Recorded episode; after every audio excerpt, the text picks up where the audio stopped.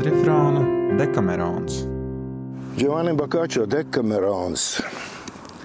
Desmitā diena, desmitā novela. Salūco Marķīzu, viņa ļaužu nemitīgie lūgumi piespiež ņemt sievu. Bet, lai sieva būtu pēc paša prāta, viņš izvēlas kādu zemnieku meitu, kas viņam dzemdē divus bērnus. Viņš tai iestāsta, ka bērnus licis nogalināt. Pēc tam, izliekoties, ka tā viņam apnikusi, un viņš izvēlējies citu sievu, viņš liek atgriezties mājās paša meitai. It kā tā būtu jaunā sieva, un pirmo sievu aizdzen vienā kraklā. Kad viņš redz, ka sieva visu pacietīgi panes, viņš mīlēdams to vairāk nekā jebkad, aicina atpakaļ savā mājā, atdod tai pieaugušos bērnus, un to godina un pavēl godināt kā marķīzi. Kad bija pabeigta karaļa garā novele, kura, kā šķiet, visiem sevišķi patika, Dionēs smaidīdams sacīja: Lāga vīrs, kas cerēja nākamajā naktī likt spokam nolaist pacelto asti. Nebūtu devis ne divus denārus par visām uzslavām, ar kādām jūs sildinājāt Messeru Torello. Un pēc tam, zinādams, ka vienīgi viņam vēl atlicis stāstīt, viņš iesāka. Mans iecietīgās dāmas, kā man šķiet, šī diena ir bijusi veltīta karaļiem, sultāniem un tam līdzīgiem vīriem. Un tāpēc, lai pārāk no jums neatšķirtos, es gribu pastāstīt par kādu marķīzu, kas nepavisam nerīkojās augstsirdīgi, bet gan aplamuļķīgi, kauču gal galā viss tomēr beidzās laimīgi. Taču es nevienam neiesaku sekot viņa pēdās, jo tā bija liela kļūda, ka viņam tapa atmaksāts ar labu. Tas bija jau labi sen, kad par Saluco Marķijas dzimtas vecāko bija kāds jauneklis, vārdā Gvaltierī, kas būdams bez sievas un bez bērniem šieda savu laiku, vienīgi medīdams putnus un zvērus, un itin nemaz nedomāja nec par sievas meklēšanu, nec bērnu gādāšanu, kā labi viņš jāuzskata par sevišķi gudru bet tas nepatika viņa ļaudīm. Un tie bieži lūdza viņu lūkot savu sievu, lai viņš nepaliktu bez mantinieka, un šie bez senjora. Turklāt solīja viņam atrast tādu sievu un no tādas zimtas, ka viņš varētu gaidīt vienīgi labu no tās un dzīvot ar to vienos priekos. Uz to Gvaltieri atbildēja: Mani draugi, Jūs spiežat man darīt to, ko es biju nolēmis nemūžam nedarīt. Ņemot vērā, cik grūti ir atrast sievu, kuras paražas saskanēt ar mūsu paražām, un cik daudz ir sieviešu ar pretējiem tikumiem. Un cik sūra dzīve ir tam vīram, kas nav atradis sievu pa savai dabai. Un tā ir muļķība. Ja jūs domājat, ka pēc tēva un mātes tikumiem var iepazīt meitas tikumus, un tā labi solāt man dot tādu sievu, kas man patikšot. Patiesi, es nezinu, kā gan jūs varētu iepazīt tēvu, jeb uzzināt mātes noslēpumus. Ja nu jūs tomēr abus iepazītu, tad cik bieži meitas ir citādākas nekā tēva un mātes. Un tā kā jūs mani tomēr gribat saistīt ar šīm važām, es esmu ar mieru. Un Lai man nebūtu jāpārmet citiem, bet vienīgi sev, ja man nāktos nožēlot šo soli, es pats gribu atrast sev sievu. Turklāt man jums jāsaka, lai arī dzan kādu esmu paņēmis, ja jūs negodāsiet kā savu pavēlnieci, tad sev par lielām nepatikšanām jūs dabūsiet matīti. Cik grūti man nācies apņemt sievu, pašam negribot, bet paklausot jūsu lūgumiem. Cienījamie vīri atbildēja, ka esot ar mieru, lai tik viņš apņemoties lūkot savu sievu. Jau sen Gvaltierī bija iepatikusies kādas nabaga jaunam stikumi, kur dzīvoja ciematā netālu no viņa pils, un tā kā jaunam viņam šķita bezgalda eļļa, viņš domāja, ka ar to viņam būtu sevišķi jauka dzīvošana. Un tālāk, vairs tālāk nemeklējams, viņš nolēma jaunu precēt, un līdz atsaukt tās tēvu, pagalam nabadzīgu vīru vienojās, ka ņems šā meitu par sievu. To izdarīs Gvaltierī liks aicināt visus savus draugus no tuvējās apkārtnes un sacītiem. Man draugi, jūs vēlējāties un arvien vēlaties, lai man lapa tiktu ņemt savu sievu, un es esmu nolēmis to darīt, vairāk gan, lai izdabātu jums, nekā patiesi vēlēdamies sev sievu iegūt. Jūs zināt, ko jūs man solījāt, ka būsiet apmierināti un godināsiet kā savu pavēlnieci, lai arī kas būtu tā, kuru es sev izraudzēšos par sievu. Un tagad ir pienācis laiks man izpildīt manu solījumu, un es prasu, lai jūs turētu savu solījumu. Es esmu atradzis paprātam kādu jaunu, kur dzīvo visai netālu no šejienes, un kur es domāju ņemt par sievu un pēc dažām dienām ievest savā mājā. Un tāpēc gādājiet, lai kāzas svinības būtu skaistas un lai līgava taptu godam sagaidīta, un lai es varētu būt apmierināts ar jums, ka esat izpildījuši savu solījumu, tāpat kā jūs varat būt mierā ar mani. Krietni vīri visai priecīgi atbildēja, ka tāda apņemšanās šiem ļoti patīkot, un ka šie, lai arī dzen kādu sievu viņš sev būtu izvēlējies, to uzskatīšot par mājas kundzi un vienmēr un visur godāšot kā savu pavēlnieci. Pēc tam viss sāk rīkoties, lai svētki būtu krāšņi, lieli un līksmi, un to pašu darīja arī Gvaltjērija. Kāzas viņš lika gatavot neizsakām liels un lepns un ielūgt daudz savu draugu un radinieku. Un daudz ievērojumu augstmaņu un citu ļaužu no visas apkaimes. Un bez tam viņš lika piegriezt un pašūt daudz skaistu un dārgu tērpu pēc kādas jaunās mēra, kur viņam likās tāda paša auguma kā tā jaunā, ko bija nodomājis precēt. Un turklāt viņš parūpējās arī par jostām un gradzeniem un dārgu un skaistu vainagu un sagādājot visu, kas nepieciešams jaunlaulātai sievai. Un, kad pienāca diena, kurā bija nolikts kāzas, Gvaltieri ap trešo stundu kāpa zirgā un kopā ar viņu visi, kas bija ieradušies viņu godināt, un kad bija likts sagatavot viss nepieciešamais, Gvaltieri sacīja: Signori, ir laiks jāt pēc līgavas un viņš devās ceļā kopā ar visiem pārējiem. Un nonākuši ciematā un sasnieguši jaunavas tēva māju, tie sastapu jaunavu, kas pat labi ar lielā steigā atgriezās no avota ar ūdeni, lai pēc tam kopā ar citām sievietēm ietu paskatīties, kā Gvaltjērī pārved sievu. Kad Gvaltjērī to ieraudzīja, viņš sauc to vārdā un proti par Grizeldu jautāja, kur esot tās tēvs. Uz to jau nav nokaunējusies atbildēja, viņš ir istabā mans kungs. Tad Gvaltierī nokāpis no zirga un pavēlējis viņiem visiem gaidīt. Viens pats iegāja nabadzīgajā būdiņā, kur sastapa jaunavas tēvu, vārdā Džannu Kole un sacīja: Es esmu atnācis bildināt Grizeldu, taču vispirms es gribu viņai kaut ko pavaicāt tavā klātbūtnē. Un viņš tā jautāja, vai tā allaž, kad būšot viņa sieva, centīšoties viņam izdabāt un vai nedusmošoties, lai ko viņš arī teiktu vai darītu. Un vai būšot paklausīga, un vēl daudz ko citu tam līdzīgi viņš jautāja, un tā uz visiem jautājumiem atbildēja ar jā. Tad Gvaltjērī paņēma to pie rokas un izveda ārā, un savu pavadoņu un visu pārējo klātbūtnē lika izģērbties kailai. Pēc tam pavēlējis padot drēbes, ko viņš tai bija līdz šūdināt. Viņš lika to žigli apģērbt un aphaut tās kājas, un uz matiem tādiem pašiem sajukušiem uzlikt vainagu. Un tad visiem ļoti brīnoties Gvaltierī sacīja: Signori, tā ir viņa, ko esmu nodomājis ņemt par sievu. Jā, viņa mani grib par savu vīru. Un tad pagriezās pret jaunavu, kas pat no sevis kaunēdamās un šaubu pārņemt tur stāvēja, tas sacīja viņai. Grizelda, vai tu gribi mani par savu vīru? Uz to viņa atbildēja, Jā, mans kungs.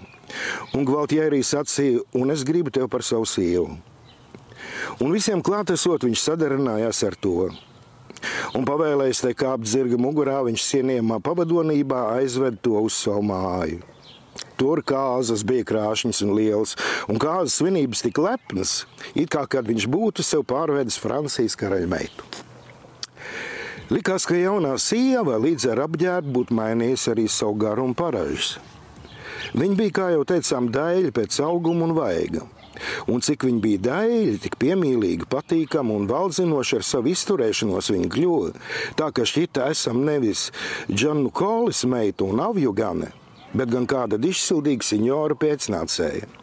Un viņa radīja izbrīnu ikvienā, kas viņu senāk bija pazinis. Un turklāt viņa bija vīram tik paklausīga un tik pakalpīga, ka tas sevi uzskatīja par vislaimīgāko un visapmierinātāko cilvēku pasaulē.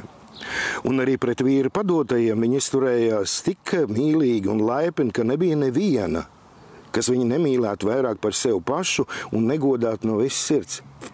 Un it visi aizlūdz par viņas labklājību, viņas godu un viņas slāvu un teica, arī dzem tie, kas kādreiz mēdz apgalvot, ka Gvaltjēri rīkojies neprātīgi, ņemot viņu par sievu, ka Gvaltjēri esot visgudrākais un vistālredzīgākais cilvēks pasaulē.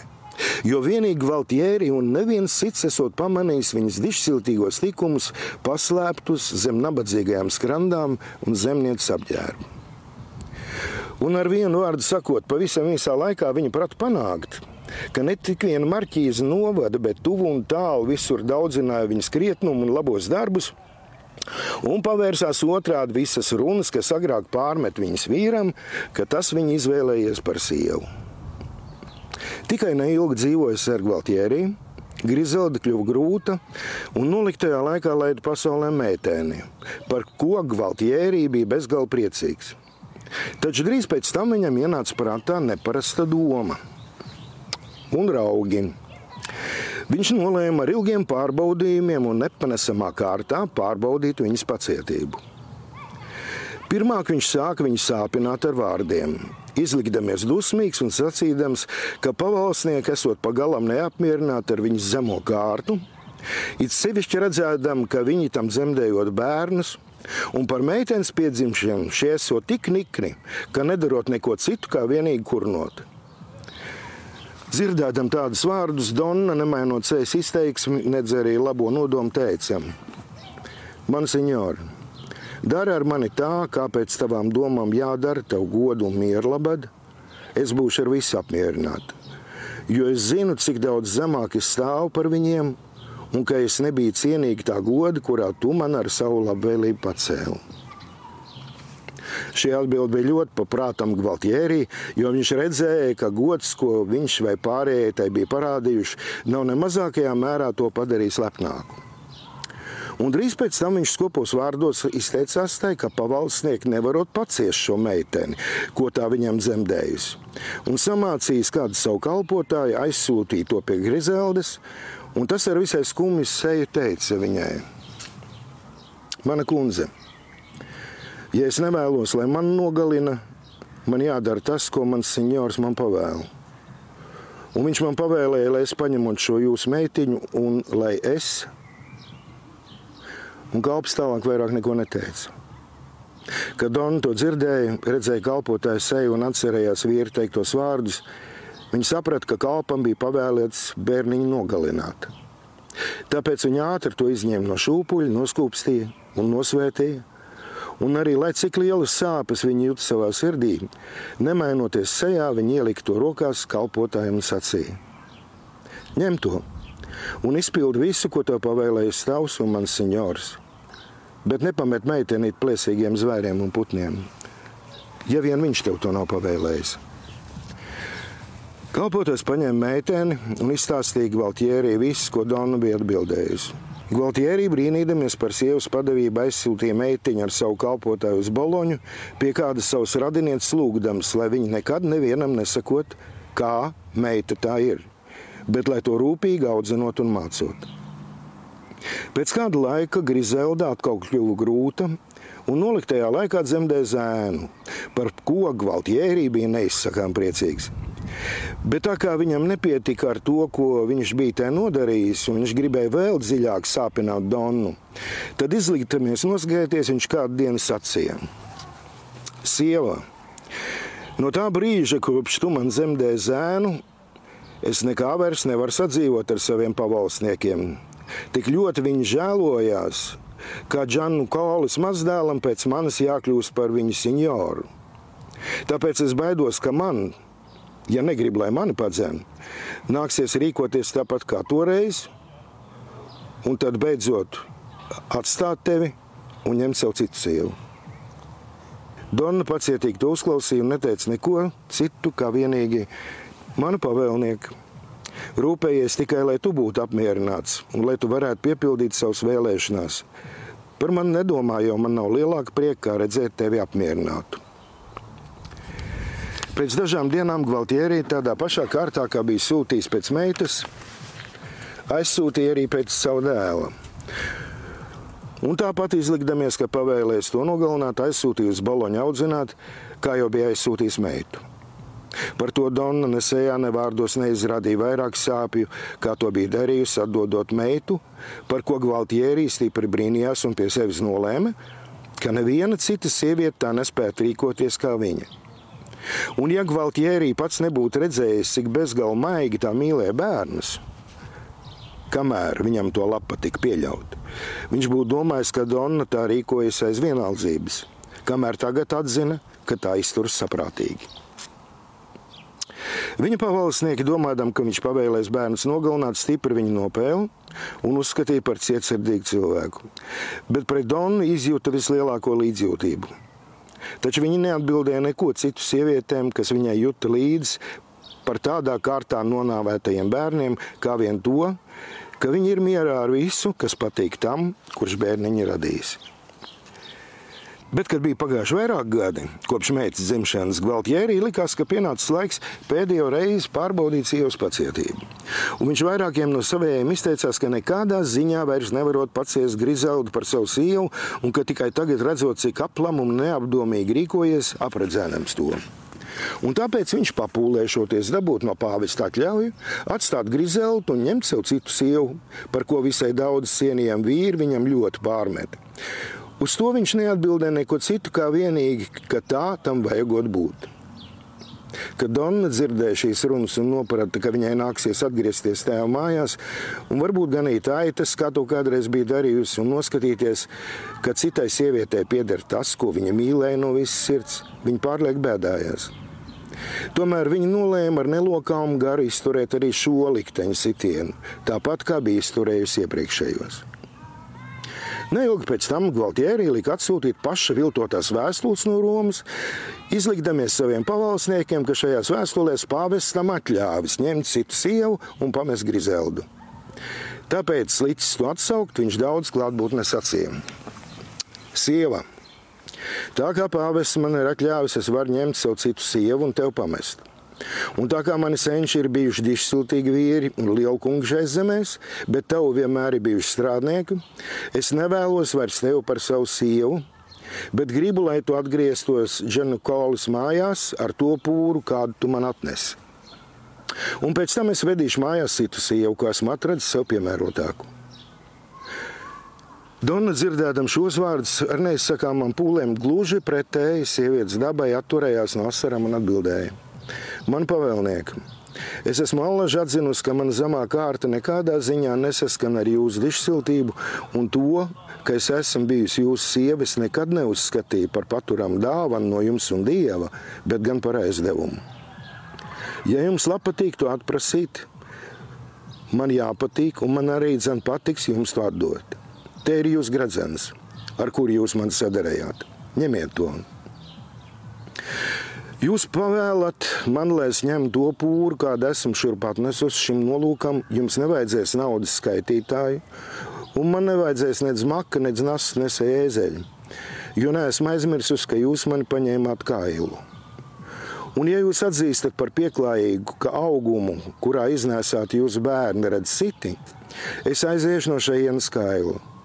Bet es jūs lūdzu, Lai jums kā balva par manu jaunavību, ko es atnesu šurp un neaiznesīšu no šejienes, patīk man atļaut paņemt līdzi vismaz vienu kreklu bez manu pūri. Gvaltjērī, kas vislabprātāk būtu raudājis nekā ko citu darījis, tomēr saglabādams bargu izskatu sacīja: Nu tad ņem sev līdzi kreklu. Visi, vien, kas tur bija klāt, lūdza, lai tas viņai dāvā vismaz vienu tērpu, lai nebūtu jāredz, ka viņa, kas 13 gadu un vēl vairāk gadus bijis tā sieva, tik nabadzīga un tik apkaunojoši aiziet no tā mājas kreklā. Bet lūkšanas bija velts. Un Grizelda vienā kreklā basām kājām un bez nekādas galvas segas atvadījusies no visiem izgāja no vīra mājas un atgriezās pie tēva. Turklāt it visi, kas vien to redzēja, raudāja un baimanāja. Džanu Kole, kurš patiesībā nekad nebija spējis ticēt, ka Gvaltjērī paturēs tā meitu sev par sievu, katru dienu gaidīja šo notikumu.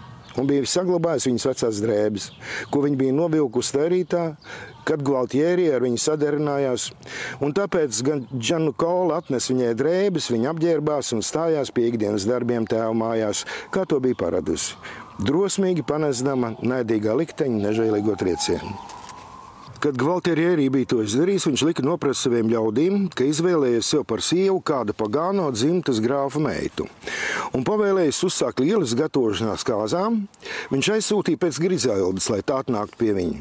Un, kad tā bija atnākusi, viņš sacīja: Es vedu mājās Donu, ko esmu sev izvēlējies par sievu. Un gribu to godam saņemt, ka tā pirmo reizi ienāk šajā namā.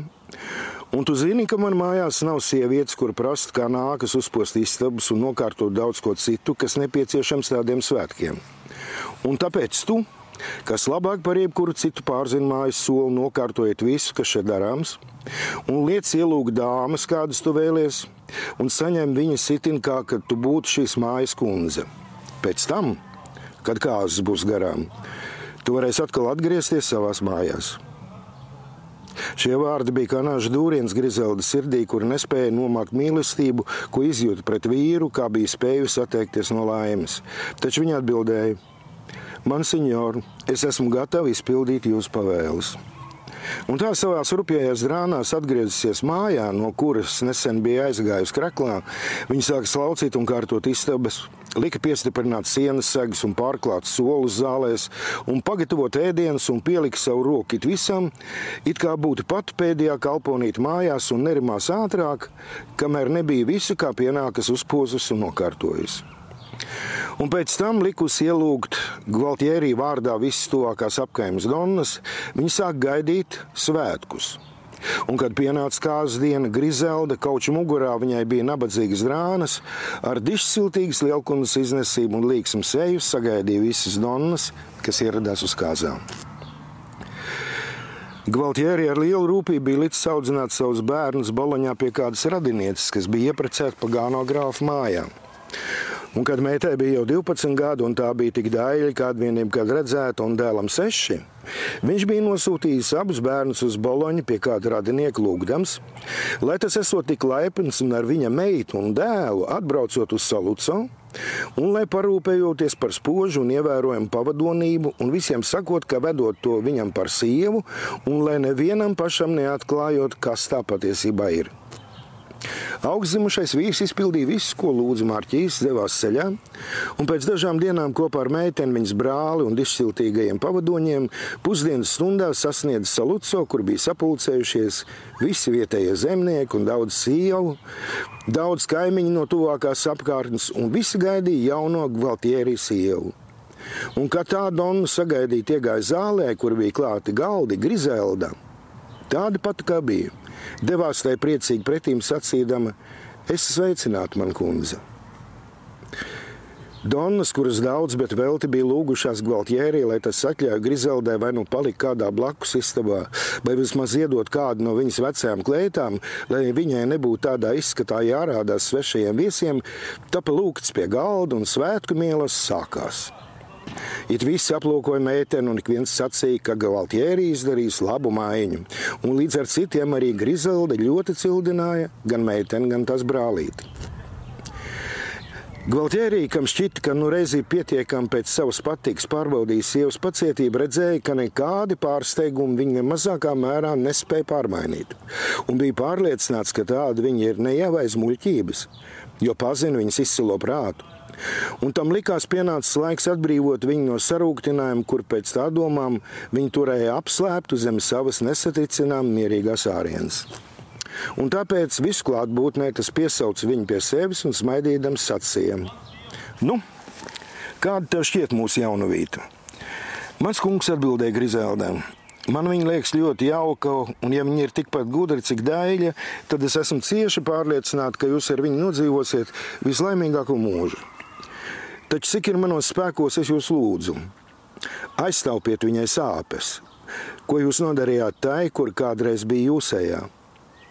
Jo man liekas, viņi tās neizturētu, gan tāpēc, ka ir daudz jaunāka, gan arī dzen tāpēc, ka augus vieglākos apstākļos. Turpretī pirmā jau no mazotnes pazina nemitīgu darbu un pūles. Kad Gvaltjēri redzēja, cik cieši viņa tic, ka jaunā meitene kļūs par tā sievu un tomēr sacīja tikai labu, tas nosēdināja Grizeldu sev līdzās un teica: Grizelda, tagad ir pienācis laiks tev baudīt tavas ilgās pacietības augļus, Un tiem, kas mani uzskatīja par nežēlīgu, ļaunprātīgu un rupju, uzzināt, ka es to darīju ar gudru iepriekšēju nodomu.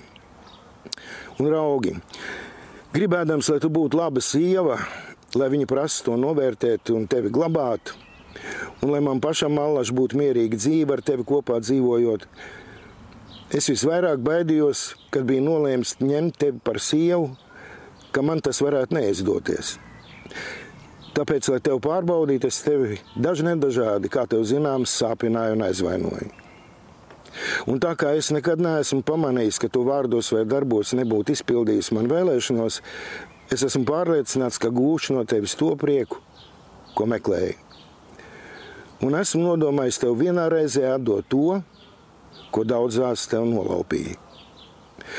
Un ar vislielāko maigumu dziedēt brūces, ko tev cirtu. Tad no ar priecīgu sirdi pieņem to, ko tu domājies manas sievesam un viņas brāli, kā tavs un mans bērns. Tie ir tie paši, par kuriem tu un daudz citi ilgus gadus domājāt, ka esam tos nežēlīgi līdz noslapkavot. Un es esmu tavs vīrs, kas mīl tev vairāk par visu. Un liekas, ka var palielīties, ka nav neviena, kas varētu būt tik apmierināts ar savu sievu kā es. Tā runājas, viņš to apskāva un skūpstīja un piecēlies kopā ar Grizeldu, kur no prieka raudāja, devās turp, kur sēdēja meita, bezgalīgi pārsteigta par visu dzirdēto, un maigi apskauja viņu un viņas brāli, atbrīvodam no maldiem viņu un daudz citus klātesošos. Pārliek ielīgsmots Donnas piecēlās no galdiem un kopā ar Grizeldu iegāja kādā istabā, un ar vislabākajiem novēlējumiem tās noģērba viņai vecās drānas, ietērpa viņa graznā tērpā un atved atpakaļ zālē kā dāmu. Kaut par tādu viņi varēja noturēt arī Dzenskrāndā stērptu. Un tur viņi neizsakamā priekā sasveicinājās ar saviem bērniem. Ik katrs bija pagalam līgsms par visu piedzīvoto un jautrību un svētku prieks divkāršojās, un svinēšana turpinājās vairākas dienas. Gvaltierī visu uzskatīja par ļoti gudru, lai gan viņa sievai uzliktos pārbaudījumus atzina par pārāk bargiem un neizturami nežēlīgiem. Taču Grizeldu Daudz zināja par visgudrāko no visiem. Grāfs no Pagano dzimts pēc dažām dienām atgriezās Boloņā, un Gvaltjērī atrāvis Džanu Kolī no viņa parastā darba, iekārtoja to kā pieklājis, iekārtot sievas tēvu, un tā viņš godā un lielā priekā nodzīvoja līdz pat sirmam vecumam. Un pēc tam Gvaltjērī izdevis savu meitu par sievu kādam augstmanim, dzīvoja ar Grizeldu ilgu un laimīgu mūžu, Allaž godinādams to, cik vien iespējams godināt. Ko gan citi vēl tagad varētu sacīt? Ja ne to, ka arī nabadzīgās būdiņās no debesīm dažkārt nolaižas dievišķi gari, kamēr karaliskos mājokļos sastopams dažs labs tāds, kas būtu cienīgāks cūks ganīt, nevis valdīt par cilvēkiem. Kurš gan vēl cits bez grizeldes būtu spējis ne tik vien ar sausām acīm, bet pat līksmu seju paciest bargos un nedzirdēt nežēlīgos gvaltierī pārbaudījumus. Un gvaltierī varbūt nebūtu nācis par ļaunu, ja viņš būtu sastapis sievieti, kas izzīt no mājas kraklā, būtu ļāvis kādam citam tā izskratīt savu kažociņu, ka šai par to atliktu kāda skaista kleita. Nav vēl lasīja Valdis Lūriņš. Um, parasti šajā laikā visi saka, audzējiet sevi. Bet es domāju, ne tikai audzējiet, bet uh, audzējiet sevi spēku, jo man liekas, mēs daudz ko varam izturēt. Un uh, audzējot sevi, neaizmirstiet pasaudzēt arī savus līgavus un sievas, lai jums labi klājas.